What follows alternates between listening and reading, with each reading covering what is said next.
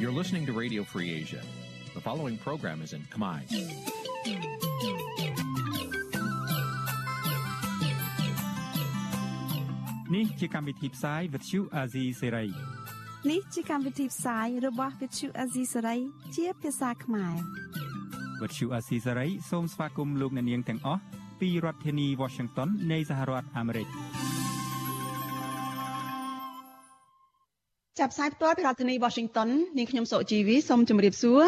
លោកអ្នកនាងកញ្ញាដែលកំពុងតាមដានការផ្សាយរបស់ Vithu Azisaray ទាំងអស់ជាទីមេត្រី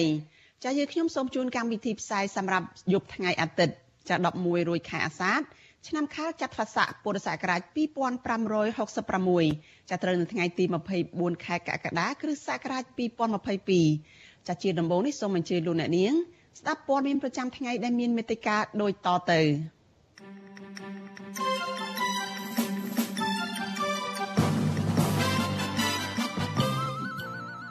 ថាបនិកគណៈបកបេះដូងជាតិលោកសៀមភ្លុកស្នើឲ្យក្រសួងមហាផ្ទៃដកបណ្ដឹងដើម្បីឲ្យតុលាការទម្លាក់ការចោទប្រកាន់អ្នកជំនាញព័ត៌មានថាស្ថាប័នសារព័ត៌មានដែលទទួលបានលុយពីរដ្ឋាភិបាលគួរផ្សព្វផ្សាយព័ត៌មានប្រកបដោយក្រមសីលធម៌វិជ្ជាជីវៈ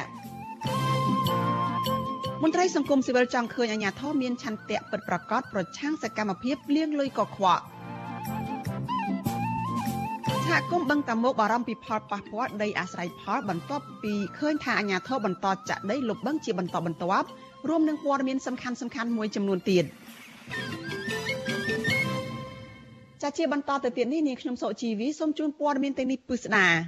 ចលនានាងជាទីមេត្រីព័ត៌មានតកតងនឹងជំងឺអុតស្វាដែលកំពុងតែរកឃើញនៅកម្ពុជានេះវិញចាក្រសួងសុខាភិបាលក្រានរំលឹកដល់ពលរដ្ឋឲ្យបង្កើនការប្រុងប្រយ័ត្ន ខ្ពស់នៅក្នុងការបង្ការចម្លងជំងឺអុតស្វាចាប់បើតាមក្រសួងសុខាភិបាលសម្រាប់ករណីសង្ស័យឬក៏មានករណីឈឺដោយមានរោគសញ្ញាដូចជាមានចេញកន្ទួលរមាស់បែបពងនៅលើដងខ្លួន បាតដៃបាតជើងនិងផ្ទៃមុខអមដោយមានរោគសញ្ញាក្តៅខ្លួនលើសពី38.5អង្សាសេនិងមានឈឺក្បាលហើមកូនកណ្ដុលចាស់ឈឺសាច់ដុំនិងខ្លួនប្រាណឈឺចង្កេះអស់កម្លាំងខ្លាំង ចាស់គឺត្រូវដាក់អ្នកជំងឺឲ្យនៅដាច់ដោយឡែកដើម្បីពិនិត្យសុខភាពដោយក្រុមគ្រូពេទ្យជំនាញភ្លាមភ្លាមឬអាចបញ្ជូនទៅកាន់មន្ទីរពេទ្យដែលនៅជិតចាស់ទន្ទឹមនឹងគ្នានេះក៏ត្រូវអនុវត្តតាមដានអ្នកឆ្លងបន្តតាមរយៈអ្នកដែលនៅជុំវិញអ្នកជំងឺជាពិសេសក្រុមគ្រួសារឬសាច់ញាតិឬក៏អ្នកដែលប៉ះពាល់ផ្សេងផ្សេងទៀតចាប់ពលរដ្ឋត្រូវអនុវត្តនៅវិធានការអនាម័យខ្លួនប្រាណនិងរស់នៅស្អាតដោយសម្អាតដៃឲ្យបានស្អាតជាមួយសាប៊ូឬក៏ជែលអាល់កុល និងអនុវត្តការការពារការចម្លងតាមផ្លូវដង្ហើមជាដើមលើសពីនេះត្រូវជៀសវាងការប៉ះពាល់ដោយផ្ទាល់ឬដោយប្រយោលជាមួយអ្នកជំងឺឬក៏បុគ្គលដែលសង្ស័យក្នុងនោះរួមទាំងការរួមភេទជាពិសេសការប៉ះពាល់ស្បែកកន្លែងដែលមានពងបែកទឹកឬក៏សម្ភារៈប្រើប្រាស់របស់អ្នកជំងឺជាដើម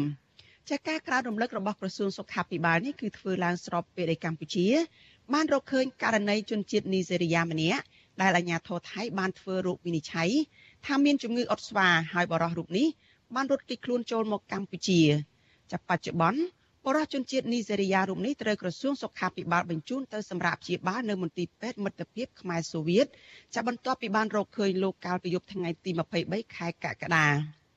អ្នកនាំពាក្យក្រសួងសុខាភិបាលអ្នកស្រីអាវ៉ាន់ឌិនបញ្ជាក់ប្រាប់ទីភ្នាក់ងារសារព័ត៌មានកម្ពុជា AKP ថាគិតត្រឹមរសៀលថ្ងៃទី24ខែកក្កដានេះ កម្ពុជានៅមិនទាន់មានករណីឆ្លងជំងឺអុតស្វានេះនៅឡើយគឺមិនទាន់បានឆ្លងពីបរិះជនជាតិនីសេរីយ៉ានោះនៅឡើយទេ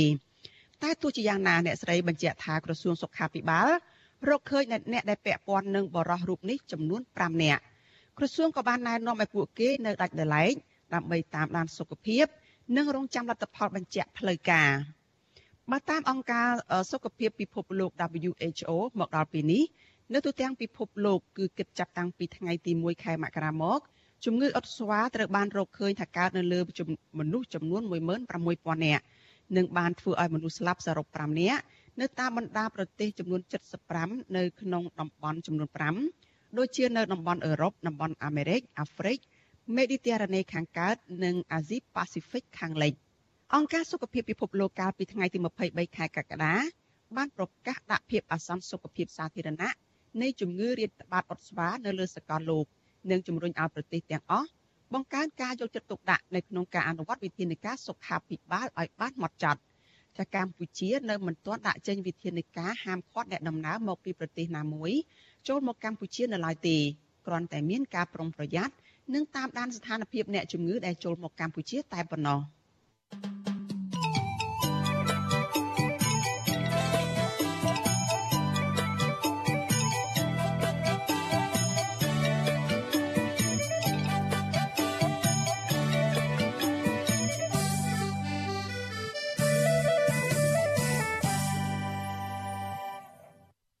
ចាលោកនាងកញ្ញាប្រិយមិត្តជាទីមេត្រីអ្នកខ្លំមើលថាលោកនាយរដ្ឋមន្ត្រីហ៊ុនសែនប្រឹងប្រែងយកចិត្តទុកដាក់និងផ្ដល់លុយកាក់រាប់ម៉ឺនដុល្លារទៅកាន់ស្ថាប័នព័ត៌មានក្នុងស្រុកមួយចំនួនដើម្បីឲ្យផ្សព្វផ្សាយព័ត៌មានបែបប្រជាពិធឬព័ត៌មានដែលគ្រប់គ្រងរដ្ឋាភិបាលតែមួយជំហៀងការលើកឡើងនេះធ្វើឡើងបន្ទាប់ពីលោកហ៊ុនសែននៅពេលថ្មីថ្មីនេះបានផ្ដល់ថវិកាចំនួន48ម៉ឺនដុល្លារនៅក្នុងរយៈពេល4ឆ្នាំទៅឲ្យសហភាពសហព័ន្ធអ្នកសារព័ត៌មានកម្ពុជាដោយអះអាងថា ដើម្បីបន្តបេសកកម្មផ្សព្វផ្សាយព័ត៌មានបម្រើប្រយោជន៍សង្គមចាលោកនាងនៅបានស្ដាប់សេចក្តីរាយការណ៍នេះនៅក្នុងការផ្សាយរបស់យើងនៅពេលបន្តិចទៀតហើយជាមួយគ្នានោះចានេះខ្ញុំនៅមានសម្ភារផ្ទាល់ជាមួយអ្នកជំនាញផ្នែកសារព័ត៌មានតកតងទៅនឹងការផ្ដល់ប្រាក់របស់លោកហ៊ុនសែនទៅកាន់ស្ថាប័នសារព័ត៌មាននេះចាសូមអញ្ជើញលោកនាងរងចាំតាមដានបទសម្ភារនេះនៅក្នុងការផ្សាយរបស់យើងនៅពេលបន្តិចទៀតនេះអាស៊ីសេរី ចលនានាងជាទីមេត្រីព័ត៌មានតកតងនឹងគណៈបកនយោបាយឯនេះវិញចាំមេធាវីការពារក្តីឲ្យស្ថាបនិកគណៈបកបេដងជាតិលោកជួងជងីបានដាក់លិខិតស្នើទៅក្រសួងទៅរដ្ឋមន្ត្រីក្រសួងមហាផ្ទៃគឺលោកសខេងឲ្យដកពាក្យបណ្ដឹងចោទប្រកាន់នៅតុលាការករណីក្លែងបន្លំឯកសារចុះបញ្ជីគណៈបកបេដងជាតិដើម្បីឲ្យតុលាការទម្លាក់ចោលការចោទប្រកាន់លើលោកសៀមភ្លុកចាស់សង្គមស៊ីវិលយល់ឃើញថាក្រសួងមហាផ្ទៃនិងតុលាការកំពូល គួរតែពិចារណាឡើងវិញនិងដោះលែងគាត់ឲ្យមានសេរីភាពវិញដើម្បីបង្កបរិយាកាសនយោបាយឲ្យបានល្អប្រសើរចាប់ពីរដ្ឋធានី Washington លោកសនច័ន្ទរដ្ឋារាយការណ៍ព័ត៌មាននេះលោកសៀមភ្លូរពឹងថានៅពេលដែលក្រសួងមហាផ្ទៃដែលជាដើមមិនដឹងដកពាក្យមិនដឹងនោះតឡាការកម្ពុជានឹងតម្លាក់ចោលការចាប់ប្រកាន់លើរូបលោកលោកសៀមភ្លូយល់ថាលោកមិនមានចេតនាក្លែងបន្លំឯកសារណាមួយនោះទេមេធាវីលោកសៀមភ្លុកលោកជួនជងី ប្រាប់វិទ្យុអេស៊ីសរ៉ៃថ្ងៃទី23កក្កដាថាលោកស៊ីមផ្លុងមានបំណងចង់បង្កើតគណៈបកបដងជាតិដើម្បីប្រគល់ប្រជែងចូលរួមការកសាងជាតិស្របតាមរដ្ឋធម្មនុញ្ញរបស់កម្ពុជាលោកជួងជងីបន្តថាលោកស៊ីមផ្លុកគ្មានបំណងនិងគ្មានចេតនាក្នុងការខែបន្លំឯកសារដោយការចាប់ប្រកាន់របស់ក្រសួងមហាផ្ទៃនោះទេលោកជួងជងីបន្ថែមថាកូនកូនលោកស៊ីមផ្លុកជួបបញ្ហាទាក់ទងទៅនឹងការបង់ថ្លៃសិក្សានិងការចំណាយជាប្រចាំថ្ងៃក្រោយឪពុកចាប់ឃុំនៅពន្ធនាគារ លោកអះអាងថាលោកស៊ីមភ្លុកផ្ដាំផ្ញើថ្លែងអំណរគុណចំពោះអ្នកគ្រប់គ្រងលោកកន្លងមកហើយលើកទឹកចិត្តឲ្យមានការតស៊ូមតិទាំងអស់គ្នាដើម្បីជួយសង្គមឲ្យមានលទ្ធិប្រជាធិបតេយ្យនិងការគោរពសិទ្ធិមនុស្សនៅកម្ពុជា។ លោកសៀមភ្លុកគាត់យល់ឃើញថាក្រសួងមហាផ្ទៃជាតែម្ដងអញ្ចឹងគាត់ត្រូវធ្វើលិខិតទៅក្រសួងមហាផ្ទៃដើម្បីសុំឲ្យសន្តិសុខគេដកពាក្យដឹងវិញតែយ៉ាងទៀតការដែលគាត់រៀបចំឯកសារដល់ទៅក្រសួងមហាផ្ទៃហ្នឹងគាត់អត់មានចេតនាក្នុងការខ្លែងបន្លំទេពីព្រោះថាការដែលគាត់បង្កើតគណៈបកនយោបាយហ្នឹងគាត់ក៏ចង់បានស្នាមមេដៃគាត់ចង់បានសកម្មជនឬក៏ប្រជាពលរដ្ឋដែលគ្រប់គ្រងហ្នឹងគាត់ប្រកាសច្បាស់លាស់គាត់អត់មានត្រូវការស្នាមមេដៃខ្លែងខ្លាយឬក៏ឯកសារខ្លែងខ្លាយទេអញ្ចឹងក្នុងករណីដែលក្រសួងមហាផ្ទៃរកឃើញថាមានឯកសារខ្លែងបន្លំអានេះគឺជាកំហុសដែលអចេតនាហើយម្យ៉ាងទៀតក្នុងករណីថាមានការខ្លាញ់បន្លំមែនក៏អត់បានដល់ផ្ទះសនកម្មឬក៏ផ្ដល់ផលអាក្រក់ឬក៏ប៉ះពាល់ប្រយោជន៍ដល់ក្រសួងមហាផ្ទៃក៏ស្ថាប័នណាមួយក៏ដែរលោកសៀមភ្លុកក៏បានឲ្យខ្ញុំរៀបជួយរៀបចំពាក្យសមនឹងដាក់ទៅក្រសួងមហាផ្ទៃដាក់ទៅសន្តិសុខគេដើម្បីឲ្យសន្តិសុខគេដកពាក្យទាំងវិញដើម្បីលើកលែងចោតប្រកាន់គាត់ដល់លេខគាត់ឲ្យមានសេរីភាពវិញបាទខ្លឹមសារក្នុងលិខិតលោកសៀមភ្លុកបានបញ្ជាក់ថាលោកមិនបានខ្លែងបន្លំឯកសារឬក៏ស្នាមមេដៃពលរដ្ឋ ហើយគ្មានចេតនាខ្លែងបន្លំឯកសារអ្វីទេ ចំពោះករណីមានការក្លែងបន្លំនេះគឺជាកំហុសអចេតនាខ្ជិះខ្ជាមិនមែនជាចេតនាក្នុងការប្រព្រឹត្តបទល្មើសទេហើយក៏គ្មានព្យាសនកម្មដល់ស្ថាប័នណាមួយទេលោកថាក្រសួងមហាផ្ទៃបានបដិសេធការចុះបញ្ជីគណៈបកបិរងជៀនគឺជាតនកម្មទៅហើយប៉ុន្តែក្រសួងមហាផ្ទៃថែមបញ្ចុះប្រកាន់លោកទៅតុលាការហើយចាប់ឃុំខ្លួនលោកទៀតគឺជាការផ្ដោតតនកម្មធ្ងន់ធ្ងរណាស់សម្រាប់រូបលោកក្រសួងមហាផ្ទៃបានទទួលពាក្យស្នើសុំពីលោកជួនជងី កាលពីថ្ងៃទី22ខែកក្កដាប៉ុន្តែខាងក្រសួងមិនទាន់មានការឆ្លើយតបយ៉ាងណាទេវិទ្យុអាស៊ីសេរីមិនទាន់អាចតតទៅណែនាំពាក្យក្រសួងមហាផ្ទៃលោកខៀវសុភ័ក្រដើម្បីសុំការថាតបាយអំពីការស្នើសុំនេះបានទេនៅថ្ងៃទី24ខែកក្កដាដោយទូរស័ព្ទចូលគ្មានអ្នកទទួលជុំវិញរឿងនេះនាយកទទួលបន្ទុកកិច្ចការទូតរបស់អង្គការលីកាដូលោកអំសំអានលើកឡើងថាគឺជាសិទ្ធិនិងក្តីសង្ឃឹមរបស់លោកសៀមភ្លុកនៅក្នុងការស្នើសុំទៅក្រសួងមហាផ្ទៃ លោកអំសម្បត្តិយល់ឃើញថាមានបញ្ហាចម្រូងចម្រាសច្រើនទាក់ទងនឹងបញ្ហាប្រឹងផ្ដាល់បញ្ហាការលួចវាយសកម្មជនគណបកនយោបាយបញ្ហាចាប់ឃុំខ្លួនមន្ត្រីគណបកនយោបាយដែលនាំឲ្យអង្គការសង្គមស៊ីវិលជាតិនិងអន្តរជាតិបារម្ភពីបរិយាកាសមិនល្អហើយរងការគម្រាមកំហែងនយោបាយចំពោះសកម្មជននយោបាយមួយចំនួនលោកអំសម្បត្តិបន្តថាអ្នកនយោបាយគួរមានគំនិតចាស់ទុំនយោបាយមុនការបោះឆ្នោតតំណាងរាស្ត្រជិតឈានចូលមកដល់ដោយបង្កបរិយាកាសនយោបាយល្អប្រសើរឡើងវិញ ហើយប្រគល់ប្រជែងប្រកបដោយសេរីភាពដំណាភាព និងយុត្តិធម៌ ដើម្បីឲ្យបរិយាកាសនយោបាយមានភាពល្អប្រសើរហើយឆ្ពោះទៅរកការបោះឆ្នោតឆ្នាំ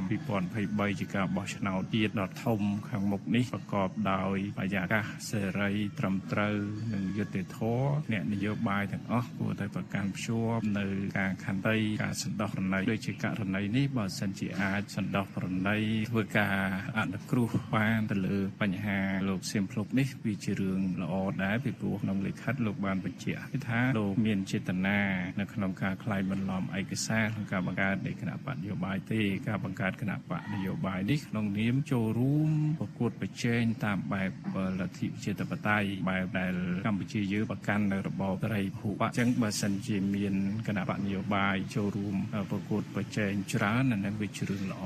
សម្រាប់កម្ពុជាកន្លងមកក្រសួងមហាផ្ទៃបានបដិសេធសំណើសុំចុះឈ្មោះក្នុងបញ្ជីបង្កើតគណៈបកនយោបាយ របស់ស្ថាបនិកគណៈបកបដងជឿរំនេះកាលពីថ្ងៃទី16ខែវិច្ឆិកាឆ្នាំ2021ដោយមិនសូវចិត្តទៅនឹងការសម្ដែងនេះលោកសៀមភ្លុងក៏បានដាក់ពាក្យបណ្ដឹងទៅតុលាការកំពូលដើម្បីតវ៉ាក៏ប៉ុន្តែបណ្ដឹងនេះត្រូវបានតុលាការកំពូលច្រានចោលនៅថ្ងៃទី26ខែវិច្ឆិកាឆ្នាំ2021ក្រសួងមហាផ្ទៃបានលុបឈ្មោះគណៈបកបដងជាតិចេញពីបញ្ជីគណៈបកនយោបាយកាលពីថ្ងៃទី2ខែមីនាដោយថាមានការបន្លំស្នាមមេដៃដើម្បីបង្កើនចំនួននៃគ្រប់គ្រង ហើយលក្ខន្តិកៈគណៈបញ្ញយោបាយផ្ទុយទៅនឹងច្បាប់ស្តីពីគណៈបញ្ញយោបាយចៅក្រមស៊ើបសួរនៅសាលាដំបងរាជធានីភ្នំពេញលោកលីសុខាបានចេញការចោះកាលពីថ្ងៃទី4ខែមេសាបង្កប់ឲ្យសមត្ថកិច្ចនាំខ្លួនលោកស៊ីមផ្លូមកសាកសួរនៅតុលាការក្រុងភ្នំពេញមុនថ្ងៃទី25ខែមេសាពាក់ព័ន្ធទៅនឹងការចាប់ប្រកាន់ករណីក្លែងបន្លំនិងប្រាស្រ័យលិខិតក្លែងនៅក្នុងការបង្កើតគណៈបកបេដងជាតិកាលពីឆ្នាំ2021ចៅក្រមស៊ើបសួរសាលាដំបងរាជធានីភ្នំពេញ សម្រាប់ឃុំខ្លួនស្ថាបនិកគណៈបកបដងជាតិលោកសៀមភ្លុងនៅពន្ធនាគារព្រៃសរថ្ងៃទី28ខែមេសា បន្ទាប់ពីខកខ្លួនលោកបានមួយថ្ងៃសង្គមស៊ីវិលយល់ឃើញថារដ្ឋាភិបាលពិសេសក្រសួងមហាផ្ទៃគួរកែប្រែបរិយាកាសនយោបាយក្នុងប្រទេសនិងនយោបាយការទូតដើម្បីបរិយាកាសល្អចំពោះទៅរកការបោះឆ្នោតថ្នាក់ជាតិដោយសេរីត្រឹមត្រូវនិងយុត្តិធម៌ឲ្យកម្ពុជាទៅស្ដារឡើងវិញនៅការធ្លាក់ចុះលទ្ធិប្រជាធិបតេយ្យសេរីនិងសិទ្ធិមនុស្សនិងដោះលែងសកម្មជននយោបាយទាំងអស់ ឲ្យមានសេរីភាពឡើងវិញដោយគ្មានលក្ខខណ្ឌខ្ញុំសនចាររថាវិទ្យុអេស៊ីសេរីរាយការណ៍ពីរដ្ឋធានីវ៉ាស៊ីនតោនចលនានាងកញ្ញាប្រិយមិត្តជាទីមេត្រីលោកអ្នកកំពុងតែតាមដានការផ្សាយរបស់វិទ្យុអាស៊ីសេរីចាប់ផ្សាយចេញពីរដ្ឋធានី Washington សហរដ្ឋអាមេរិកចាប់ព័ត៌មានតកតនឹងសកម្មជនគណបកប្រឆាំងដែលត្រូវគេលួចវាយលួចធ្វើបាបឯនេះវិញសកម្មជនគណបកប្រឆាំងមួយចំនួនបន្តរស់នៅក្នុងស្ថានភាពភ័យខ្លាចដោយសារតែសមត្ថកិច្ច នៅមិនទាន់អាចចាប់ជនប្រើហិង្សាទៅលើពួកគាត់បានមន្ត្រីប៉ូលីសជាន់ខ្ពស់ក្រុងភ្នំពេញនៅតែអះអាងថាសមត្ថកិច្ចខិតខំស្រាវជ្រាវដែរតែរកមិនឃើញជនដៃដល់ខណៈដែលមន្ត្រីសង្គមស៊ីវិលមើលឃើញថាសមត្ថកិច្ចគ្មានឆន្ទៈពិតប្រាកដនៅក្នុងការស៊ើបអង្កេតរកជនល្មើសនៅក្នុងករណីទាំងនោះទេចាលោកនាងនឹងបានស្ដាប់សេចក្តីរាយការណ៍នេះពិស្ដានៅក្នុងការផ្សាយរបស់យើងនៅពេលបន្តិចទៀតនេះ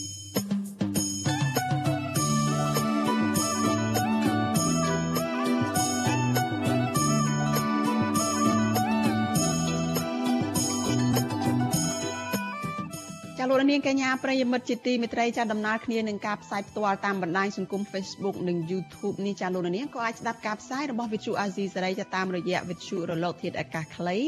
SW ចាតាមកម្រិតនិងកម្ពស់ដូចតទៅនេះពេលព្រឹកចាប់ពីម៉ោង5កន្លះដល់ម៉ោង6កន្លះតាមរយៈរលកធាតុអាកាសខ្លី12140 kHz ស្មើនឹងកម្ពស់ 25m និង13715 kHz ស្មើនឹងកម្ពស់ 22m ពេលយប់ ចាប់ពីម៉ោង7កន្លះដល់ម៉ោង8កន្លះតាមរយៈរលកធាតុអាកាសខ្លី9960 kHz ស្មើនឹងកម្ពស់ 30m 12140 kHz ស្មើនឹងកម្ពស់ 25m និង11885 kHz ស្មើនឹងកម្ពស់ 25m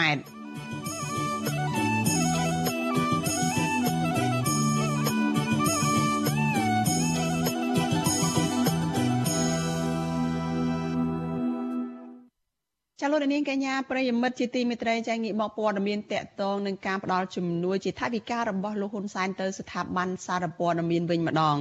ចាអ្នកខ្លំមើលបារម្ភថាលោកយមត្រីហ៊ុនសែនប្រឹងប្រែងយកចិត្តទុកដាក់និងផ្ដល់លុយកាក់រាប់ម៉ឺនដុល្លារទៅកាន់ស្ថាប័នព័ត៌មានក្នុងស្រុកមួយចំនួនដើម្បីឲ្យផ្សព្វផ្សាយព័ត៌មានបែបប្រជាពិធដ្ឋឬព័ត៌មានគាំទ្ររដ្ឋាភិបាលតែមួយចំហៀង ការលើកឡើងនេះធ្វើឡើងបន្ទាប់ពីលោកហ៊ុនសែនកាលពីពេលថ្មីថ្មីនេះបានផ្ដល់ថវិកាចំនួន48ម៉ឺនដុល្លារនៅក្នុងរយៈពេល4ឆ្នាំទៅឲ្យសហភាពសហព័ន្ធអ្នកសារព័ត៌មានកម្ពុជាដោយអះអាងថាដើម្បីបន្តបេសកកម្មផ្សព្វផ្សាយព័ត៌មានបម្រើផលប្រយោជន៍សង្គមចាលោកមានរិទ្ធរាយការណ៍អំពីរឿងនេះអ្នកជំនាញផ្នែកប្រព័ន្ធផ្សព្វផ្សាយឯករាជ្យ លើកឡើងថាស្ថាប័នឬសមាគមដែលទទួលបានថវិកាពីរដ្ឋាភិបាលក្នុងការបើកវគ្គបណ្ដុះបណ្ដាលលើវិស័យសារព័ត៌មានគឺពួកគាត់អាចបាត់បង់នៅភាពឯករាជ្យលើខ្លួនឯងនិងរងនៅសម្ពាធពីរដ្ឋាភិបាលគណៈស្ថាប័នសារព័ត៌មានឯករាជ្យជាច្រើន ដែលមិនចំណោះជាមួយរដ្ឋាភិបាល បានទទួលរងនឹងការបង្ក្រាបជាបន្តបន្ទាប់នាយកប្រតិបត្តិនៃសម្ព័ន្ធអ្នកសារព័ត៌មានកម្ពុជាហៅកាត់ថាកម្ពុជា លោកណូវីយល់ថាស្ថាប័នឬសមាគមអ្នកសារព័ត៌មាន ដែលទទួលបានធនធានពីរដ្ឋាភិបាលគួរតែផ្សព្វផ្សាយពាក់ព័ន្ធទៅនឹងផ្នែកនៃក្រមសីលធម៌វិជ្ជាជីវៈអ្នកសារព័ត៌មានឬដាក់ចេញនូវគោលនយោបាយបើកការបណ្ដុះបណ្ដាលមូលដ្ឋានគ្រឹះដល់អ្នកសារព័ត៌មានលោកលើកឡើងថាការបំពេញតួនាទីរបស់អ្នកសារព័ត៌មានដែលឈលលើភាពឯករាជ្យខាងវិជ្ជាជីវៈ មានសារៈសំខាន់សម្រាប់បម្រើឲ្យផលប្រយោជន៍សង្គមជាតិឲ្យមហាជនទទួលបាននូវព័ត៌មានពិតប្រាកដក៏ប៉ុន្តែលោកថាអ្នកសារព័ត៌មានដែលមិនបានគោរពតាមវិជ្ជាជីវៈរបស់ខ្លួនសរសេរព័ត៌មានបម្រើឲ្យគណៈបណ្ឌនយោបាយឬប្រជាពិធរបស់បុគ្គលណាម្នាក់នោះនឹងធ្វើឲ្យប៉ះពាល់ដល់សង្គមជាតិដែលធ្វើឲ្យប្រជាពលរដ្ឋភ័ន្តច្រឡំបង្កឲ្យមានការរើសអើងនិងស្អប់ខ្ពើមគ្នាក្នុងសង្គម យ៉ាងណាមិញបើសិនជាយើងទទួលនៅធនធានរបស់ជាតិហើយយើងមិនបានបំពេញតួនាទីត្រឹមត្រូវហើយយើងដើរតួនាទីនៅក្នុងការការពារនៅផលប្រយោជន៍ក្រុមណាមួយផ្នែកណាមួយគណៈបកនយោបាយណាមួយដោយមិនដាក់តម្កល់នៅផលប្រយោជន៍ជាតិជាសំខាន់ផលប្រយោជន៍ប្រជាពលរដ្ឋជាសំខាន់នោះគឺជាការអនុវត្តមួយដែលប្រឆាចពីក្រមសីលធម៌ពីវិជាជីវៈសារព័ត៌មានហើយមួយផ្នែកទៀតវាជាការចូលរួមចំណែកនៅក្នុងការបំផ្លិចបំផ្លាញនៅការជឿទុកចិត្តរបស់ប្រជាពលរដ្ឋរបស់សាធារណជនទូទៅទៅដល់វិជាជីវៈសារព័ត៌មាននឹងឯងបាទការលើកឡើងនេះគឺបន្ទាប់ពីលោកនាយរដ្ឋមន្ត្រីហ៊ុនសែនកាលពីពេលថ្មីថ្មីនេះបានប្រកាសបរិច្ចាគថវិកាផ្ទាល់ខ្លួនចំនួន48ម៉ឺនដុល្លារដែលមានរយៈពេល4ឆ្នាំដើម្បីគាំទ្របេសកកម្មការងាររបស់សហភាពសហព័ន្ធអ្នកសារព័ត៌មានកម្ពុជា ប្រធានសហភាពសហព័ន្ធអ្នកសារព័ត៌មានកម្ពុជា លោកហ៊ុយវណ្ណៈត្រូវបានកសែតក្នុងស្រុកស្រង់ប្រសាសន៍ថាថាវិការរបស់លោកហ៊ុនសែននេះឆ្លុះបញ្ចាំងពីការលើកកម្ពស់នៅសេរីភាពសារព័ត៌មាន និងសេរីភាពនៃការបញ្ចេញមតិនៅកម្ពុជា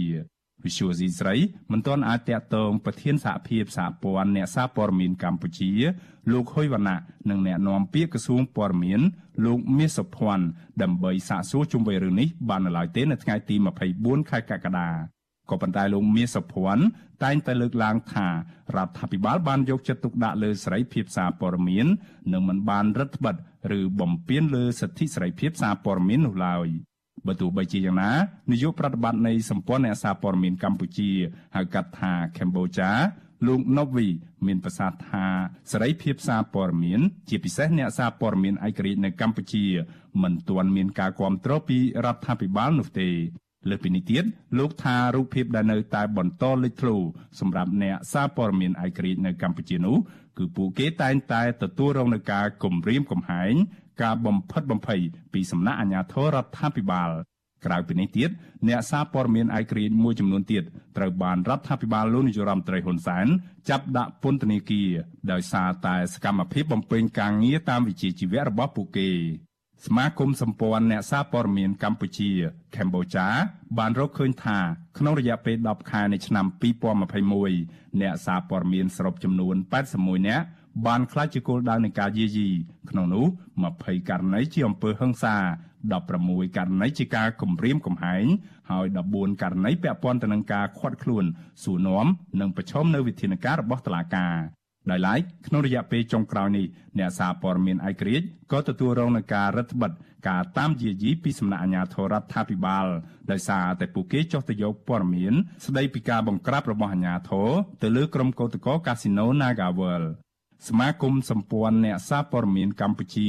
រកឃើញថាត្រីមាសទី1និងត្រីមាសទី2ក្នុងឆ្នាំ2022នេះផលប៉ះពាល់សម្រាប់អ្នកសារព័ត៌មានមានចំនួន24ករណី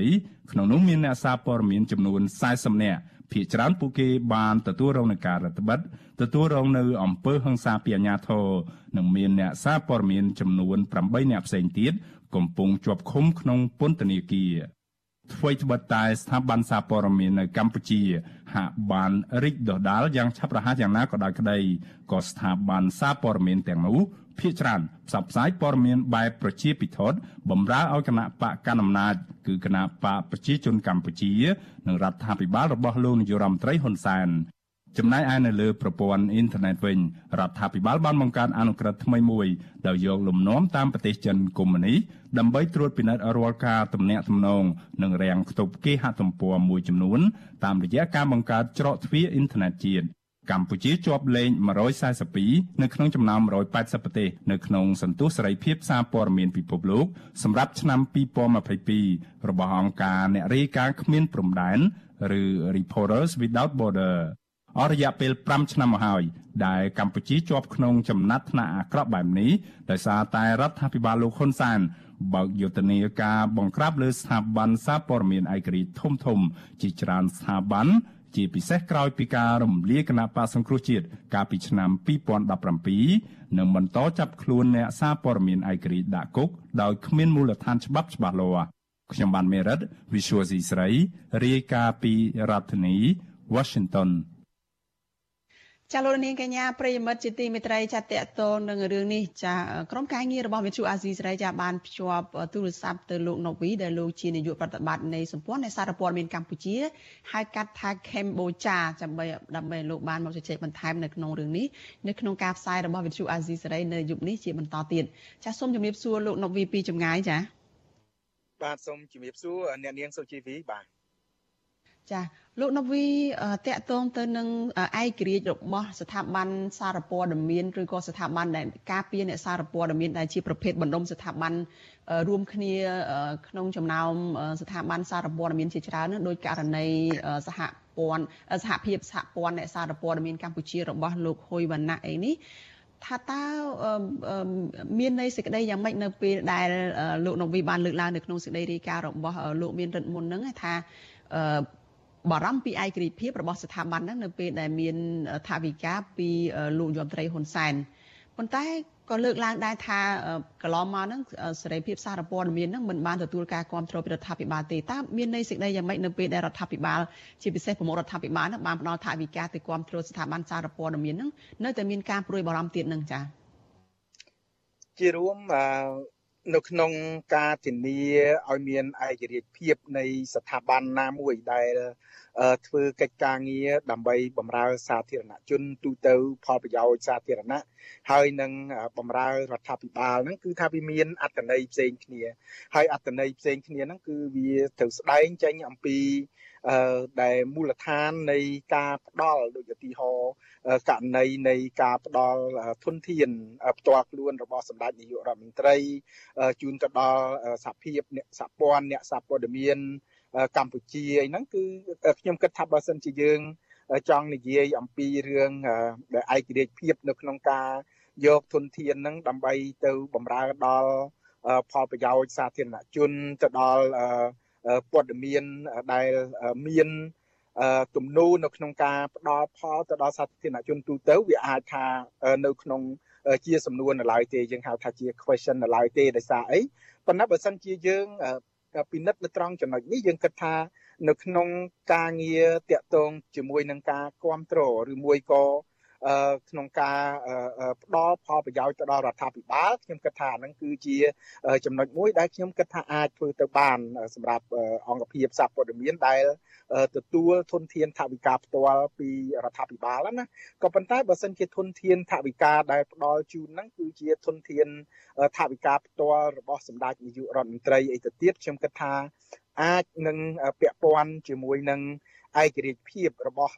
ស្ថាប័នសារព័ត៌មានហ្នឹងថាតើស្ថាប័នសារព័ត៌មានគាត់អាចនឹងធ្វើកិច្ចការងារបំរើដល់ផលប្រយោជន៍របស់រដ្ឋាភិបាលឬក៏គាត់បំរើដល់ផលប្រយោជន៍ផ្ទាល់របស់សម្ដេចនាយករដ្ឋមន្ត្រីឬមួយក៏ក្រុមគ្រួសាររបស់គាត់នេះគឺជាអ្វីមួយដែលខ្ញុំគិតថា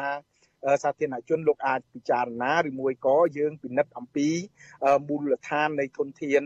ដែលផ្ដល់ជូននឹងទាំងអស់គ្នាអញ្ចឹងហើយបានជានិច្ចកាលកន្លងមកដែលនៅពេលដែលមានការបង្កើតស្ថាប័នឯករាជ្យអ្វីមួយភាគច្រើនគឺស្ថាប័នឯករាជ្យហ្នឹងគេត្រូវទៀមទីឲ្យមានឯករាជ្យភាពទាំងពីធនធានថវិកាដើម្បីយកទៅប្រតិបត្តិការ ស្ថាប័នដែលត្រូវបានបង្កើតឡើងនឹងខ្ញុំលើកឧទាហរណ៍ដូចជាបើសិនជាយើងគិតអំពីស្ថាប័នសិទ្ធិមនុស្សរបស់ជាតិមានន័យថាស្ថាប័នត្រូវបង្កើតឡើងដើម្បីបម្រើផលប្រយោជន៍ជាតិទី1ទី2ស្ថាប័នហ្នឹងគឺត្រូវតែមានធនធានដែលជាកញ្ចប់ថវិកាអនុម័តដោយសភាឧទាហរណ៍បើសិនជាយើងមានស្ថាប័នមួយដែលយើងហៅថាឧទាហរណ៍ថាស្ថាប័នដែលក្រមប្រឹក្សាសារព័ត៌មានជាតិ ស្ថាប័នក្រមប្រឹក្សាសារព័ត៌មានជាតិហ្នឹងគួរតែជាស្ថាប័នដែលធ្វើកិច្ចការងារដើម្បីបម្រើផលប្រយោជន៍ជាតិទាំងមូលហើយធនធានថវិកាដែលបានមកដើម្បី បំរើនៅប្រតិបត្តិការរបស់ស្ថាប័នហ្នឹងគឺជាធនធានថវិកាដែលជាការសម្រេចរបស់សភា មានន័យថាជាកញ្ចប់ថវិការបស់ជាតិតែម្ដងដូចយើងមើលអំពីកញ្ចប់ថវិកាដែលកោជបយកទៅ ដើម្បីប្រតិបត្តិការកិច្ចការងាររបស់ខ្លួនអីចឹងបាទហ្នឹងគឺជាផ្នែកមួយដែលយើងអាចនិយាយបានថា មានភាពឯករាជ្យច្រើននៅក្នុងការប្រកបវិជ្ជាជីវៈឬមួយក៏កិច្ចការរបស់ខ្លួនទី1ទី2 កន្លងមកច្រើនតែមានការលើកមកជជែកគ្នាថាស្ថាប័នអង្គការមិនមែនរដ្ឋាភិបាលមួយចំនួនហ្នឹងគឺថាយកលុយពីបរទេសយកយកលុយពីបរទេសដើម្បីយកមកធ្វើកិច្ចការងារហើយអះអាងអំពីឯករាជ្យភាពនៅត្រង់ចំណុចនេះខ្ញុំគ្រាន់តែចង់ជម្រាបជូនសាធារណជនថាជារួមស្ថាប័នមួយចំនួនរួមទាំងអង្គការអន្តរជាតិផ្សេងផ្សេងទាំងមូលនិធិផងយើងមានបេសកកម្មដូចគ្នានៅក្នុងការលើកកម្ពស់សិទ្ធិមនុស្ស ក្នុងការលើកកម្ពស់សេរីភាពបញ្ចេញមតិឬមួយក៏សេរីភាពសារព័ត៌មានជាដើមដូច្នេះយើងអត់អាចយកធនធានហិរញ្ញវត្ថុរបស់រដ្ឋបរទេសណាមួយ ដើម្បីមកធ្វើកិច្ចការងារដោយខុសពីគោលដៅដោយខុសពីបេសកកម្មដើម្បីសេរីភាពសារព័ត៌មាន ដើម្បីសិទ្ធិមនុស្សហើយនិងដើម្បីសេរីភាពបញ្ចេញមតិបានទេបាទចា អឺលោកណូវីត្រង់ចំណុចនឹងហើយខ្ញុំចង់បញ្ជាក់បន្ថែមទៀតថាតើឲ្យសាធារណជនតាមដានរបៀបម៉េចចំពោះអ្វីដែលខាងរដ្ឋាភិបាលខាងប្រមុខរដ្ឋាភិបាលលោកយមត្រែនសែនបានផ្ដល់ថវិកាទៅឲ្យស្ថាប័នព័ត៌មាននឹងហើយលោកណប់វីថាសូមឲ្យតាមដានទៅថាតើការផ្សព្វផ្សាយព័ត៌មានរបស់ពួកគាត់នឹងអាចនឹងជាប្រយោជន៍ដល់សង្គមជាតិ ឬក៏ជាការផ្សព្វផ្សាយព័ត៌មានដែលលំអៀងទៅមួយជំហាននោះតើតាមដានរបៀបម៉េចទៅផ្អែកលើអ្វីទៅពីព្រោះថាចាសូមជើញបាទយើងយើងយើងត្រូវពិនិត្យមើលចំណុច3 4ចំណុចចំណុចទី1យើងដឹងថានៅក្នុងសង្គមយើងជាសង្គមប្រជាធិបតេយ្យ អំណាចបែងចែកដាច់ពីគ្នាមិនចឹងអំណាចយើងគឺអំណាចនីតិប្រតិបត្តិសម្ដៅទៅដល់រាជរដ្ឋាភិបាលដែលដឹកនាំដោយសម្ដេចនាយករដ្ឋមន្ត្រីអំណាចទី2គឺយើងហៅថាអំណាចនីតិបញ្ញត្តិដែលសម្ដៅទៅដល់សភាដែលដឹកនាំដោយដែលសម្ដេចហេងសំរិនហើយអំណាចទី3គឺអំណាចតុលាការបាទអំណាចតុលាការនេះគឺជាអំណាចឯករាជ្យចេញពីអំណាចទាំងពីរដែលខ្ញុំបានជម្រាបជូន ហើយអំណាចមួយទៀតដែលយើងហៅថាអំណាចទី4ហ្នឹងគឺអំណាចសារព័ត៌មាននឹងឯងអញ្ចឹងដើម្បីឲ្យយើងអាចដែលមានយើងយើងអាចធ្វើកិច្ចការងារដើម្បីធានាអំពីតុល្យភាពនៃការប្រើប្រាស់អំណាចបីផ្សេងទៀតយើងគប្បីមើលអំពីឯករាជ្យភាពហើយនិងសិទ្ធិអំណាចនៅក្នុងការដែលតាមដានរបស់អំណាចផ្សេងផ្សេងទៀតឧទាហរណ៍ថាឥឡូវបើសិនជាប្រជាពលរដ្ឋលោកយល់ឃើញថាសភាអំណាចនីតិ បញ្ញត្តិអំណាចតុលាការហ្នឹងគឺថាអាចនឹងដែលទទួលរងនៅអធិបុលពីអំណាចនីតិប្រតិបត្តិគឺរដ្ឋាភិបាលអញ្ចឹងយើងមើលអំណាចសារព័ត៌មានអំណាចសារព័ត៌មានដើម្បីធានាអំពីប្រសិទ្ធភាពនៃការតាមដាននៃការផ្ដល់យោបល់នៃការផ្ដល់នៅព័ត៌មានពិត ជូនទៅដល់រាជរដ្ឋាភិបាលជូនទៅដល់សាធារណជនវាទាមទារឲ្យអ្នកដែលអនុវត្តអំណាចទី4អំណាចសារព័ត៌មានហ្នឹងគឺថាមានឯករាជ្យភាពគ្រប់គ្រាន់ក៏ប៉ុន្តែឯករាជ្យភាពគ្រប់គ្រាន់នៅត្រង់ចំណុចនេះខ្ញុំចង់សម្ដៅចេះខ្ញុំចង់សម្ដៅថាយើងត្រូវពិនិត្យមើលថាបច្ចុប្បន្ននេះតើតើអ្វីដែលជាបញ្ហាកើតមានឡើងសម្រាប់អ្នកសារព័ត៌មានទី1យើងអាចនិយាយថា ដែលសារព័ត៌មាននៅក្នុងប្រទេសយើងថាមិនមានសារព័ត៌មានឯករាជ្យនឹងច្រើនទេមានតែព័ត៌មានមានតែសារព័ត៌មានឬក៏ស្ថាប័នព័ត៌មានដែលធ្វើកិច្ចការងារដើម្បីផ្សព្វផ្សាយនៅគោលនយោបាយរដ្ឋាភិបាលឬមួយក៏ផ្សព្វផ្សាយតែសកម្មភាពរបស់គណៈបកនយោបាយដែលកំពុងគ្រប់គ្រងអំណាចឬមួយក៏ថាសារព័ត៌មានមួយចំនួនតូចហ្នឹងគឺថាលំអៀងទៅរកគណៈបកនយោបាយណាមួយអីចឹងទៅ ទី1ទី2យើងមើលឃើញអំពីបញ្ហានៃសិទ្ធិហើយនិងសេរីភាពរបស់អ្នកសារព័ត៌មានសិទ្ធិហើយនិងសេរីភាពរបស់ប្រជាពលរដ្ឋដែលសម្ដែងមតិនៅលើអនឡាញឬមួយក៏សម្ដែងមតិទូទៅថាតើប្រព័ន្ធផ្សព្វផ្សាយទាំងអស់ហ្នឹងហ៊ានផ្សព្វផ្សាយទេនៅអ្វីដែលជាបញ្ហានៅក្នុងសង្គមអ្វីដែល ជាបញ្ហាដែលកើតមានឡើងទៅលើប្រជាពលរដ្ឋនៅត្រង់ចំណុចនេះខ្ញុំចង់បញ្ជាក់ថាជាធម្មតាចំណុចវិជ្ជមានយើងមានសង្កេតឃើញថាមានច្រើនហើយក៏ប៉ុន្តែมันអាចយើងយើងมันអាចនឹងមានការរីកចម្រើនដោយចីរភាពទៅកើតទេប្រសិនបើបញ្ហានៅតែកើតមានហើយមិនទទួលបាននៅដំណោះស្រាយឆាប់រហ័សដំណោះស្រាយជាក់ស្ដែងពីរដ្ឋាភិបាលដូច្នេះវាទាមទារឲ្យមានអំណាចសារព័ត៌មាន ដែលធ្វើកិច្ចការងារដើម្បីពិនិត្យមើលដើម្បីហ៊ានធ្វើសេចក្តីរាយការណ៍នៅរឿងរ៉ាវទាំងអស់ហ្នឹងប៉ុន្តែអ្វីដែលប្រជាពលរដ្ឋលោកមើលឃើញថាតើយើងអាចតាមដានសារព័ត៌មានដែលទទួលធនធានថវិកាពីរដ្ឋាភិបាលហ្នឹងថាតើគាត់ហ៊ានធ្វើសេចក្តីរាយការណ៍នៅរឿងរ៉ាវទាំងអស់ដែលប៉ះពាល់ទៅដល់រដ្ឋាភិបាលទេទី1ទី2យើងត្រូវពិនិត្យមើលថាតើស្ថាប័នប្រព័ន្ធផ្សព្វផ្សាយឬក៏ស្ថាប័នដែលសមាគមសារព័ត៌មាន ដែលទទួលបានថវិកាផ្ទាល់ពីសម្ដេចហ្នឹងតើតើគាត់ធ្វើសកម្មភាពអ្វីខ្លះដើម្បីការពារសិទ្ធិសេរីភាពរបស់អ្នកសារព័ត៌មាន ដើម្បីផ្សព្វផ្សាយនៅអ្វីដែលជាបញ្ហាដែលកើតមានឡើងទៅលើប្រជាពលរដ្ឋអញ្ចឹងបើសិនជា គាត់មិនហ៊ានធ្វើការផ្សព្វផ្សាយគាត់មិនហ៊ានថែមទាំងផ្ដល់នៅអ្វីដែលជាព័ត៌មានពិតជូនទៅដល់ប្រមុខដឹកនាំរដ្ឋាភិបាលទៅដល់មន្ត្រីអ្នកធ្វើគោលនយោបាយទេខ្ញុំគិតថាទាំងអស់នឹងហើយគឺបង្ហាញនៅភាពលំអៀងលំអៀងពីព្រោះយើងកាលណាយើងនិយាយថាលំអៀងគឺវាមានលំអៀងដោយការភ័យខ្លាចវាមានលំអៀងដោយការស្រឡាញ់លើលំអៀងខ្លះហ្នឹងគឺថាកាលណាយកធនធានថវិការបស់គេកាលណាយក ដែលដែលថវិការបស់អ្នកណាមួយមន្ត្រីណាមួយហើយគឺថាមិនហ៊ាននឹងធ្វើសេចក្តីរាយការណ៍ឬក៏ធ្វើអ្វីមួយដែលប៉ះពាល់ទៅដល់មន្ត្រីនឹងទេសូម្បីតែនិយាយការពិតហ្នឹងក៏សឹងតែមិនហ៊ាននិយាយការពិតទៅទៀតបាទ ចាដូច្នេះអ្វីដែលលោកនៅវីលើកឡើងហ្នឹងគឺស្ថាប័នព័ត៌មានហ្នឹងដែលបម្រើផលប្រយោជន៍ពលរដ្ឋហ្នឹងគឺ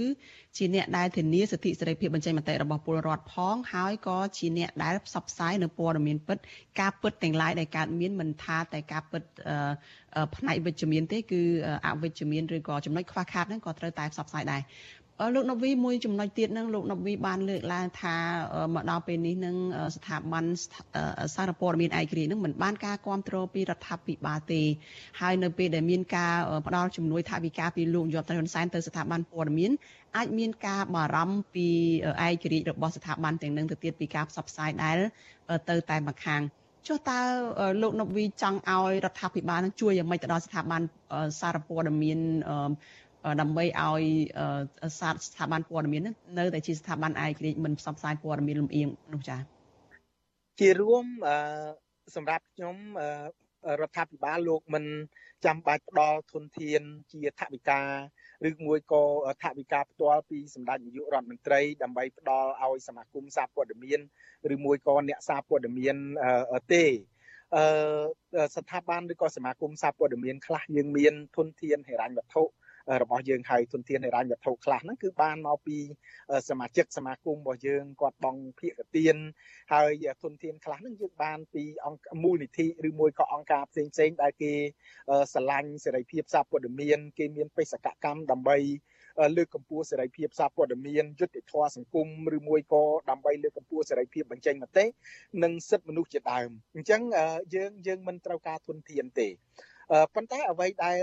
រាជរដ្ឋាភិបាលប្រមុខរដ្ឋាភិបាលខ្ញុំយល់ថាប្រមុខរដ្ឋាភិបាលក៏លោកផ្ដល់តម្លៃខ្ពស់ដែរដល់ការផ្ដល់នៅព័ត៌មានពិតជូនដល់ប្រមុខដឹកនាំជូនដល់ប្រមុខរដ្ឋាភិបាលហេតុអីដោយសារតែកន្លងមកប្រមុខរដ្ឋាភិបាលលោកផ្ដល់តម្លៃអញ្ចឹងហើយបានលោកហ៊ានរិះគន់នៅទីប្រឹក្សារបស់លោកមួយចំនួនថាមិនដែលបានផ្ដល់ជូនលោកនៅអ្វីដែលជាព័ត៌មានពិតនៅក្នុងសង្គមទេអញ្ចឹងលោកផ្ដល់តម្លៃនៅអ្វីដែល ជាការផ្សព្វផ្សាយនៅព័ត៌មានពិតគ្រាន់តែកន្លងមកអ្វីដែលជាទស្សនៈផ្ទាល់ខ្លួនរបស់ខ្ញុំខ្ញុំមើលឃើញហ្នឹងគឺពេលខ្លះប្រមុខដឹកនាំរដ្ឋាភិបាលលោកមានការបារម្ភរឿងការបាត់បង់អំណាចច្រើនពេកចឹងហើយបានធ្វើឲ្យលោកពេលខ្លះហ្នឹងគឺចាត់វិធានការឬមួយក៏អាចនិយាយបានថាមានការរឹតបន្តឹងរឹតបន្តឹងទៅដល់ការអនុវត្តកិច្ចការងាររបស់អ្នកសារព័ត៌មានអ្វីដែលប្រមុខរដ្ឋាភិបាលរដ្ឋាភិបាលលោកអាច បន្តនៅបេសកកម្មដើម្បីសហការជាមួយនឹងអ្នកសារព័ត៌មានបានខ្ញុំយល់ឃើញថាលោកគ្រាន់តែអឺដែលកាត់បន្ថយឬមួយក៏បញ្ចប់នៅការធ្វើគោលនយោបាយណាមួយ ដែលមានទំនោររដ្ឋបិទដល់ការអនុវត្តសេរីភាពរបស់អ្នកសារព័ត៌មានទី1ទី2បើសិនជាមានគោលនយោបាយនឹងត្រូវបានរៀបចំបង្កើតឡើងមែនគួរតែបើកទូលាយឲ្យមានការប្រឹក្សាយោបល់ការផ្ដល់នៅធៀបចូល ពីអ្នកសារព័ត៌មានពីអង្គការសង្គមស៊ីវិលដូចជាការរៀបចំតាក់តែងសេចក្តីព្រាងច្បាប់ស្តីពីសិទ្ធិទទួលបានព័ត៌មានជាដើមដែលគ្រប់គ្នានឹងតែងតែផ្ដល់តម្លៃតែងតែកោតសរសើរចំពោះការសម្របសម្រួលដឹកនាំរបស់ក្រសួងព័ត៌មានចំណុចមួយទៀតរឿងតាក់ទងជាមួយនឹងការផ្ដល់ការការពារសវត្ថិភាពដល់អ្នកសារព័ត៌មានគឺជាអ្វីមួយដែលរាជរដ្ឋាភិបាលលោកគួរធ្វើលោកធ្វើបានដែរដោយសារលោកមានកងកម្លាំងលោកមានអាវុធលោកមានអំណាច ដូច្នេះហើយបើសិនជាករណីណាមួយដែលកើតមានឡើងទៅលើអ្នកសារព័ត៌មានដោយករណីដែលសមាគមសម្ព័ន្ធអ្នកសារព័ត៌មានកម្ពុជាបានកត់ត្រានៅក្នុងត្រីមាសទី1និងត្រីមាសទី2ឆ្នាំ2020នេះករណី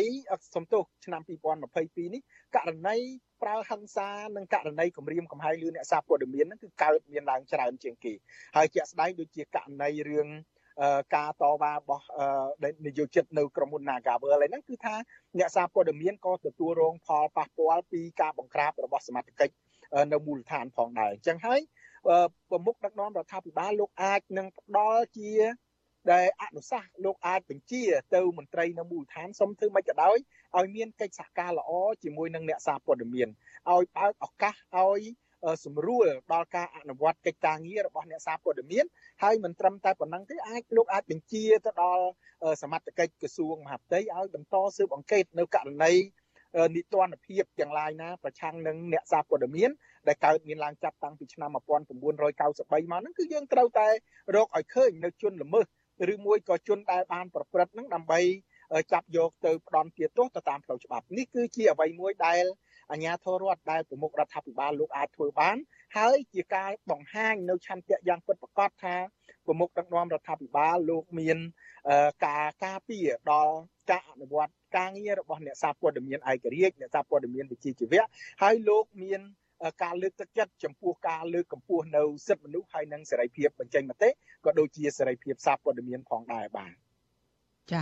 លោកនវីលោកបានលើកពីខាងដើមថាមិនគួរប្រមុខរដ្ឋាភិបាលនឹងផ្ដល់លុយទៅ ស្ថាប័នសារព័ត៌មានទេតើលោកបារម្ភពីអ្វីខ្លះពីព្រោះកន្លងមកនឹងយើងបានដឹងទាំងអស់គ្នាហើយថាស្ថាប័ន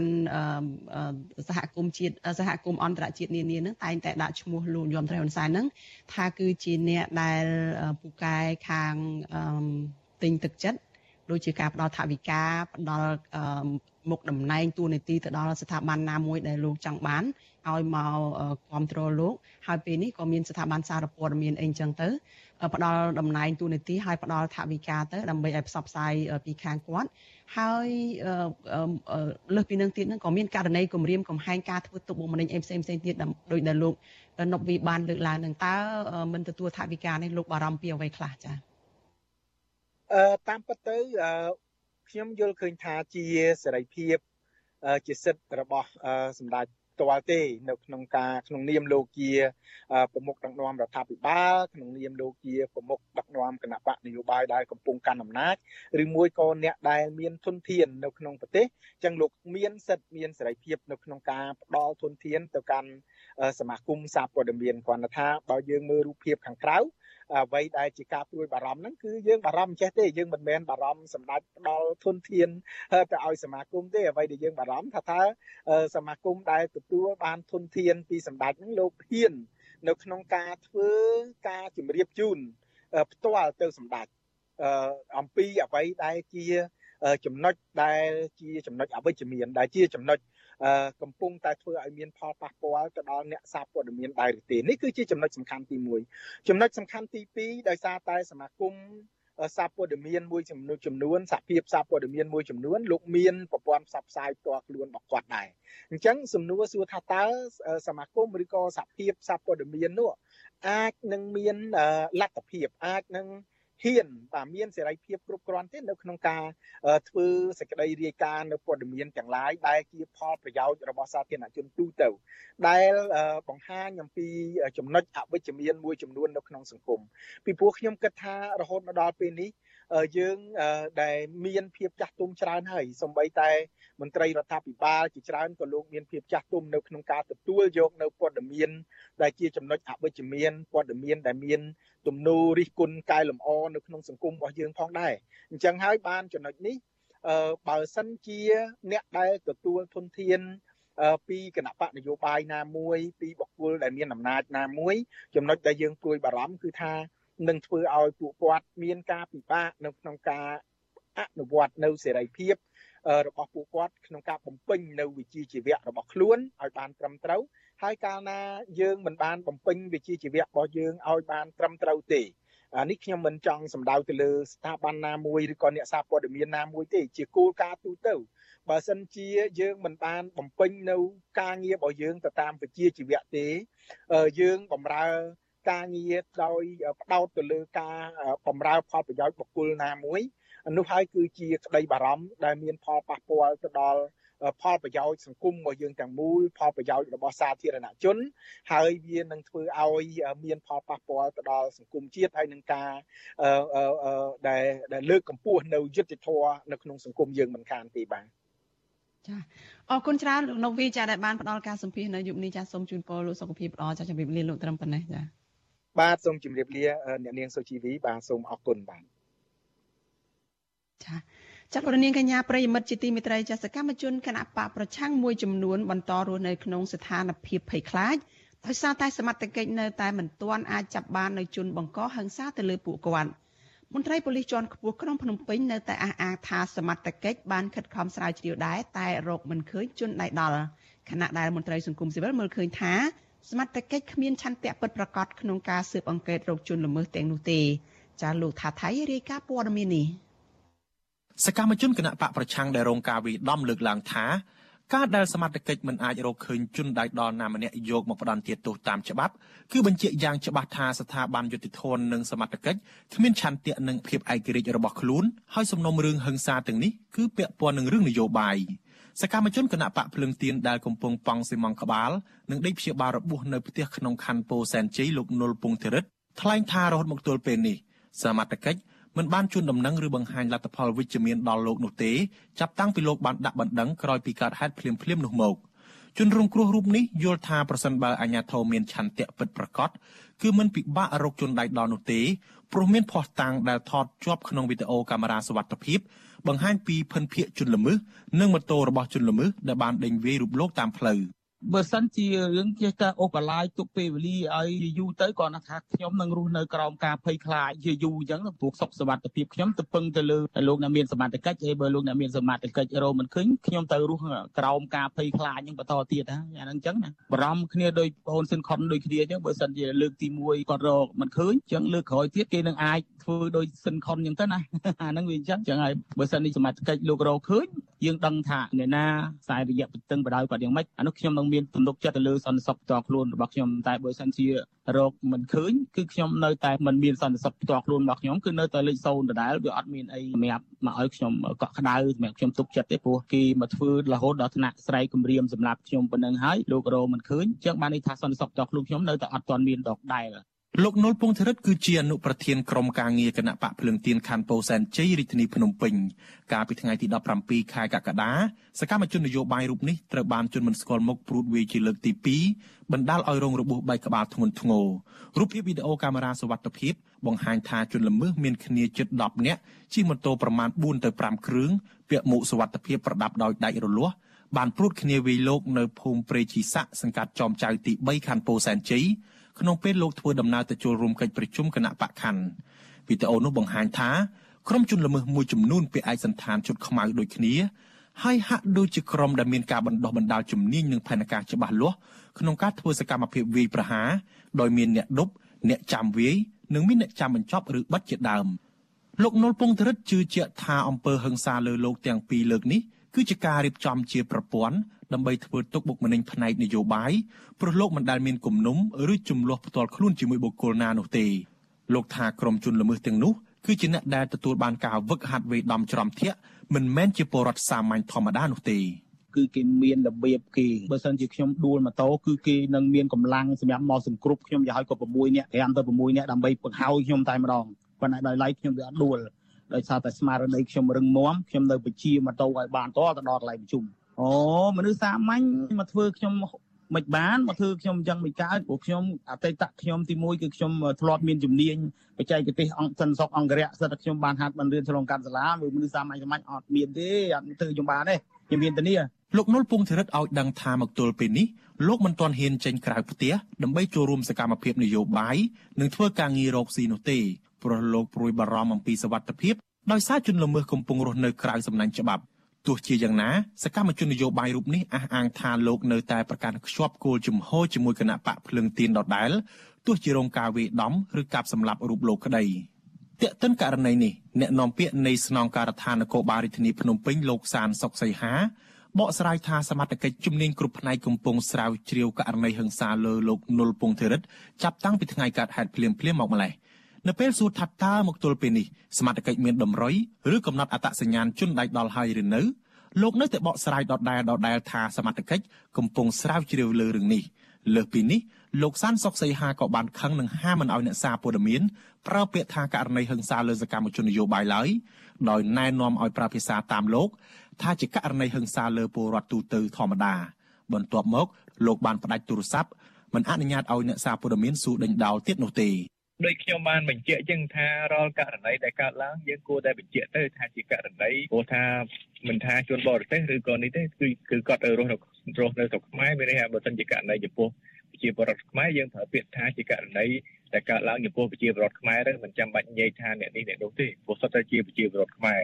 ហើយក្នុងការអនុវត្តការស្រាវជ្រាវក្នុងការអនុវត្តច្បាប់ផុសសមត្ថកិច្ចគឺដូចគ្នាឲ្យតែមានករណីកើតឡើងមានពាក្យមិនដឹងមិនមានពាក្យមិនដឹងក្តីគឺយើងតែងតែធ្វើការស្រាវជ្រាវអនុវត្តមិនមែនលើកមកបដោតលើចេះបដោតលើចុះទេហើយនៅលើចំណុចមួយដែលលើកមកថាតកតនឹងកតានេះកតានោះអានឹងក៏ជាការបំពងសភាពការឬក៏ការដែលចោតប្រកាន់មកលើរដ្ឋាភិបាលឬក៏ថ្នាក់ដឹកនាំដែរ ផ្ទុយពីការលើកឡើងនេះសកម្មជនគណៈបកប្រឆាំងនិងមន្ត្រីសិទ្ធិមនុស្សចាត់ទុកថាការឆ្លើយតបដដែលដដែលរបស់មន្ត្រីប៉ូលីសបែបនេះគ្រាន់តែជាលេសដោះសារប៉ុណ្ណោះព្រោះសមត្ថកិច្ចមិនបានបង្ហាញចំណាត់ការស៊ើបអង្កេតដែលគួរឲ្យទុកចិត្តបាននោះទេមកទល់ពេលនេះមានសកម្មជនគណៈបកភ្លើងទៀនសកម្មជនគណៈបកសង្គ្រោះជាតិនិងសាច់ញាតិរបស់ពួកគេជាង40នាក់ហើយដែលត្រូវបានជន់មិនស្គាល់មុខប្រើប្រាស់ទម្រង់លួចវាយប្រហារប្រហាក់ប្រហែលគ្នាបណ្ដាលឲ្យរបួសធ្ងន់ធ្ងរហើយជនរងគ្រោះខ្លះបានធ្លាក់ខ្លួនពីការអស់មួយជីវិត ជនរងគ្រោះមួយចំនួនទៀតមិនត្រឹមតែមិនទទួលបានយុត្តិធម៌នោះទេថែមទាំងត្រូវបានជនល្មើសលួចវាយប្រហារផ្ទួនផ្ទួនគ្នាពីរលើកនិងជនរងគ្រោះខ្លះទៀតថែមទាំងត្រូវបានអាជ្ញាធររបបក្រុងភ្នំពេញចាប់ឃុំខ្លួនក្នុងពន្ធនាគារទៀតផងធ្ងន់ធ្ងរជាងនេះជនរងគ្រោះមួយរូបគឺលោកស៊ិនខុនដែលជាសកម្មជនគណៈបកសង្គ្រោះជាតិដែរនោះត្រូវបានជនល្មើសកាប់ប្រហារបណ្ដាលឲ្យស្លាប់ក្នុងថ្លុកឈាមយ៉ាងរន្ធត់ សមត្ថកិច្ចបានឃុំខ្លួនជនល្មើសម្នាក់ដែលចូលខ្លួនសារភាពថាជាអ្នកកាប់សម្លាប់លោកស៊ិនខុនព្រោះទំនាស់បុគ្គលក៏ប៉ុន្តែសាច់ញាតិមិត្តភ័ក្តិជនរងគ្រោះនិងមន្ត្រីអង្គការសហប្រជាជាតិនៅតែចាត់ទុកថាករណីឃាតកម្មលើលោកស៊ិនខុនគឺជារឿងនយោបាយចំណែកជនរងគ្រោះម្នាក់ទៀតដែលបច្ចុប្បន្នជាចៅសង្កាត់រងទី2ជាប់ឆ្នោតនៅសង្កាត់បឹងទំពុន2នៃគណៈបកភ្លឹងទៀនលោកខឿនវិរៈ និយាយថានៅពេលមានអំពើហិង្សាលើសកម្មជននយោបាយគណៈបកជំទាស់បន្តកើតឡើងជាបន្តបន្ទាប់ក្នុងទម្រង់ប្រហាក់ប្រហែលគ្នាហើយជនល្មើសនៅតែមានសេរីភាពរួចផុតពីទោសទណ្ឌបែបនេះធ្វើឲ្យពួកលោកព្រួយបារម្ភជាខ្លាំងអំពីសវត្ថិភាពផ្ទាល់ខ្លួនលោកស្នើសុំឲ្យសមត្ថកិច្ចមានឆន្ទៈពិតប្រាកដក្នុងការស្វែងរកជនដែលដល់មកផ្ដន់ទោសតាមច្បាប់ដើម្បីបញ្ចប់វប្បធម៌នៃទណ្ឌភាពនិងបញ្ចប់អំពើហិង្សាការធ្វើទុកបុកម្នេញលើសកម្មជនបកប្រឆាំងដែលជាខ្មែរដូចគ្នាគ្រាន់តែមានគំនិតទស្សនៈផ្ទុយ។ យើងមើលថាភាកច្រើនរឿងទាំងអស់នេះវាកើតឡើងលើសកម្មជនគណៈបកជំទាស់គណៈបកតាំងពីគណៈបកសង្គ្រោះជាតិរហូតមកដល់គណៈបកលើងទៀនអញ្ចឹងយើងអាចនិយាយបានថាបើមិនមានការរកវែងមុខជនល្មើសយកមកផ្ដន់ទាទោសបានទេវាគឺជារឿងដែលបង្កើតឡើងបែបហិង្សានយោបាយមកលើសកម្មជនគណៈបកប្រឆាំងដើម្បីបំបាក់ស្មារតីមិនឲ្យសកម្មជនគណៈបកប្រឆាំងទាំងអស់ហ្នឹងធ្វើការតស៊ូនយោបាយដោយស្រប ស្របច្បាប់ក្រោមរដ្ឋធម្មនុញ្ញលោកខឿនវិរៈធ្លាប់ត្រូវបានជនមិនស្គាល់មុខ2នាក់បានជិះម៉ូតូដេញតាមគប់ដុំថ្មបណ្ដាលឲ្យរបួសដៃនិងទ្រូងក្រោយពេលលោកចេញពីកន្លែងប្រពៃទិវាគ្រូបង្រៀនពិភពលោកនៅទីលានប្រជាធិបតេយ្យកាលពីថ្ងៃទី5ខែតុលាឆ្នាំ2020ជុំវិញករណីនេះនាយកទទួលបន្ទុកកិច្ចការទូតនៃអង្គការលីកាដូលោកអំសំអាតមានប្រសាសន៍ថា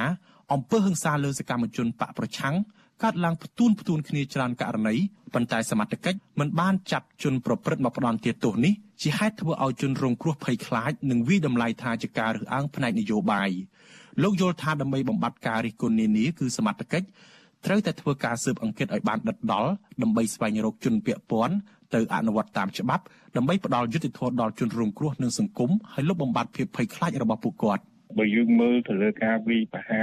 ដោយជនមិនស្គាល់មុខទៅលើសកម្មជនគណៈបកនយោបាយហ្នឹងយើងឃើញថាភាគច្រើនមានកាមេរ៉ាបង្ហាញនៅសន្តិភាពដែលជាការងាយស្រួលដល់ជាផុសតាងសម្រាប់សមត្ថកិច្ចមួយបន្ថែមទៀតណាអញ្ចឹងអ្វីដែលរកសម្រាប់ថារកជនដែលប្រព្រឹត្តនឹងឃើញមិនឃើញឆាប់ឬយូរគឺអាស្រ័យទៅលើឆន្ទៈហើយនឹងការសិទ្ធិភាពការស្រាវជ្រាវពមានឆន្ទៈ នឹងការស្រាវជ្រាវឲ្យបានឆាប់ហើយស្វែងរកជនល្មើសឲ្យបានឆាប់អានឹងខ្ញុំគិតថាសមត្ថកិច្ចយើងសិតតែមានសមត្ថភាពកន្លងមកក្រុមអង្គការជាតិនិងអន្តរជាតិរួមទាំងអង្គការសហប្រជាជាតិផងបានចេញសេចក្តីថ្លែងការណ៍ព្រួយបារម្ភជាបន្តបន្ទាប់ចំពោះអំពើហិង្សាលើសកម្មជនគណៈបកប្រឆាំងជាញឹកញាប់នេះនិងចាត់ទុកថាករណីទាំងនេះគឺជាការធ្វើទុកបុកម្នេញផ្នែកនយោបាយដែលត្រូវតែបញ្ឈប់ជាបន្ទាន់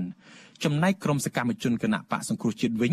ពួកគាត់លើកឡើងថាការបណ្ដេតបណ្ដោយឲ្យជនល្មើស បន្តរស់នៅក្រៅសំណាញ់ច្បាប់បែបនេះធ្វើឲ្យពួកគាត់ជាជនរងគ្រោះ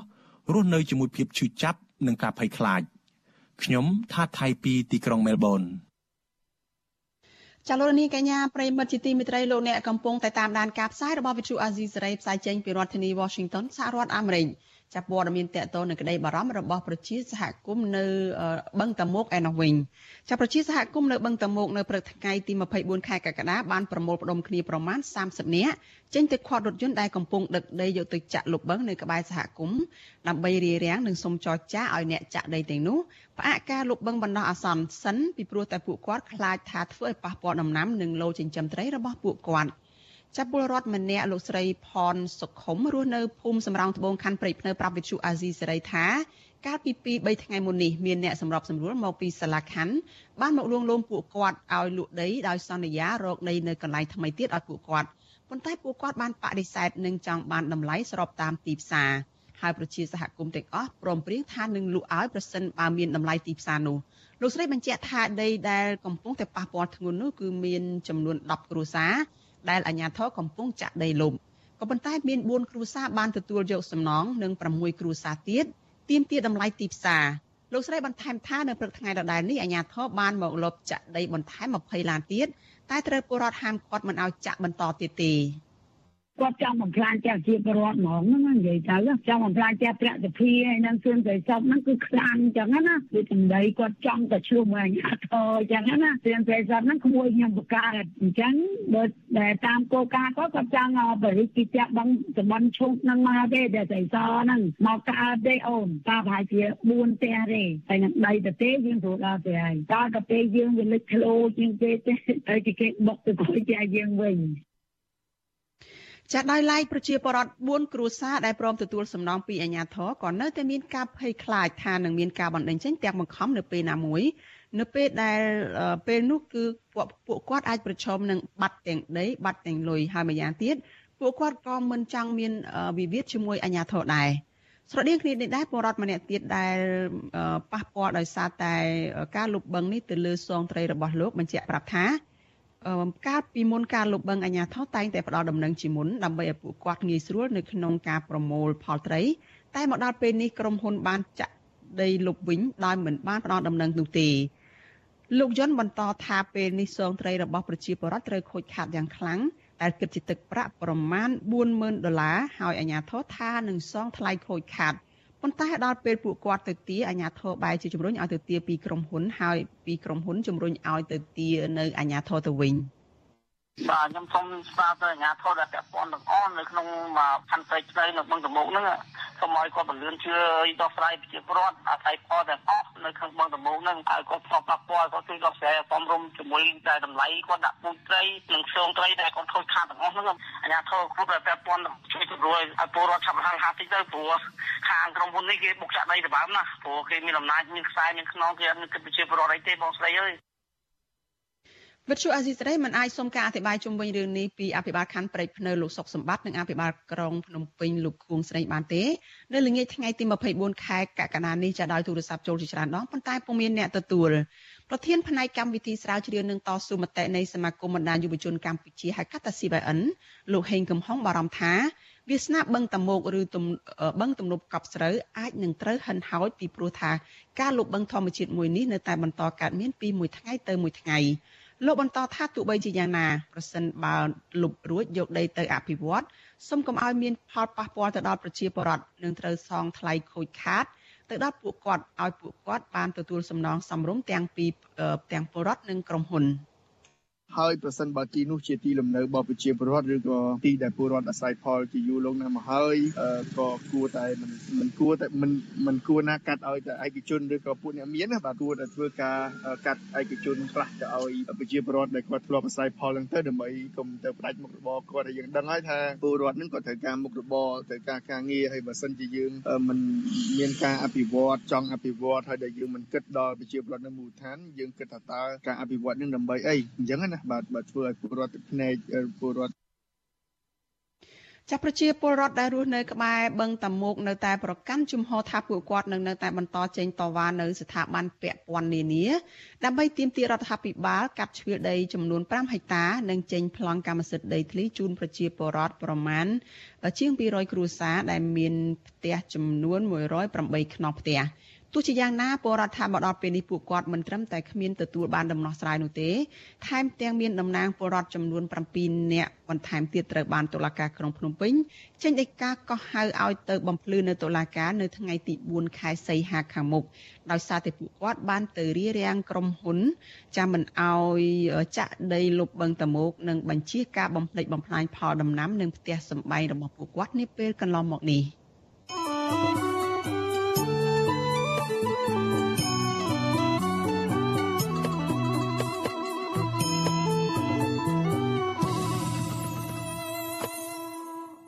ចាលោកនាងកញ្ញាប្រិយមិត្តជាទីមេត្រីចាព័ត៌មានតកតងនឹងការចោតប្រកាន់កម្ពុជាពាក់ព័ន្ធនឹងការលាងលុយកខ្វក់វិញម្ដង មន្ត្រីសង្គមស៊ីវិលចង់ឃើញអាជ្ញាធរមានឆន្ទៈពិតប្រាកដនៅក្នុងការអនុវត្តច្បាប់ប្រឆាំងសកម្មភាពលាងលុយកខ្វក់ឲ្យមានប្រសិទ្ធភាពដោយគ្មានការលើកលែងដើម្បីឲ្យកម្ពុជាអាចរួចផុតចេញពីបញ្ជីពណ៌ប្រផេះនៃប្រទេសដែលលាងលុយកខ្វក់និងបញ្ជីទណ្ឌកម្មនានាពីសហគមន៍អន្តរជាតិព្រមទាំងរក្សាស្ថិរភាពសេដ្ឋកិច្ចនិងសង្គមជាពិសេសអ្នកវិនិយោគទុនល្អៗជាដើម ចាសសំណើនេះធ្វើឡើងបន្ទាប់ពីរដ្ឋមន្ត្រីក្រសួងយុតិធធស្នើដល់ក្រសួងស្ថាប័នពាក់ព័ន្ធប្រឆាំងនឹងអំពើលាងលុយកខ្វក់និងហេរ៉ាញ់បទានភេរវកម្មឲ្យកម្ពុជារួចផុតពីបញ្ជីប្រភេទនៃប្រទេសដែលមានហានិភ័យខាងលាងលុយកខ្វក់ចាលោកនាងនៅបានស្ដាប់សេចក្តីរាយការណ៍នេះពិស្ដានៅក្នុងការផ្សាយរបស់យើងនៅព្រឹកស្អែកចាដែលនឹងចាប់ផ្ដើមពីម៉ោង5កន្លះដល់ម៉ោង6កន្លះព្រឹក។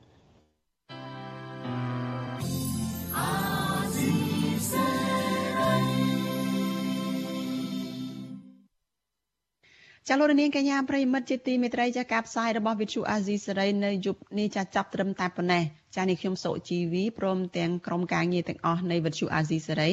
ចាសូមជូនពរដល់លោកនាងកញ្ញានិងក្រុមគ្រួសារទាំងអស់ចាជួបប្រកបតែនឹងសេចក្តីសុខចាចម្រើនរុងរឿងកុំបីឃ្លៀងឃ្លាតឡើយចានេះខ្ញុំសូមអរគុណនិងសូមជម្រាបលា thank you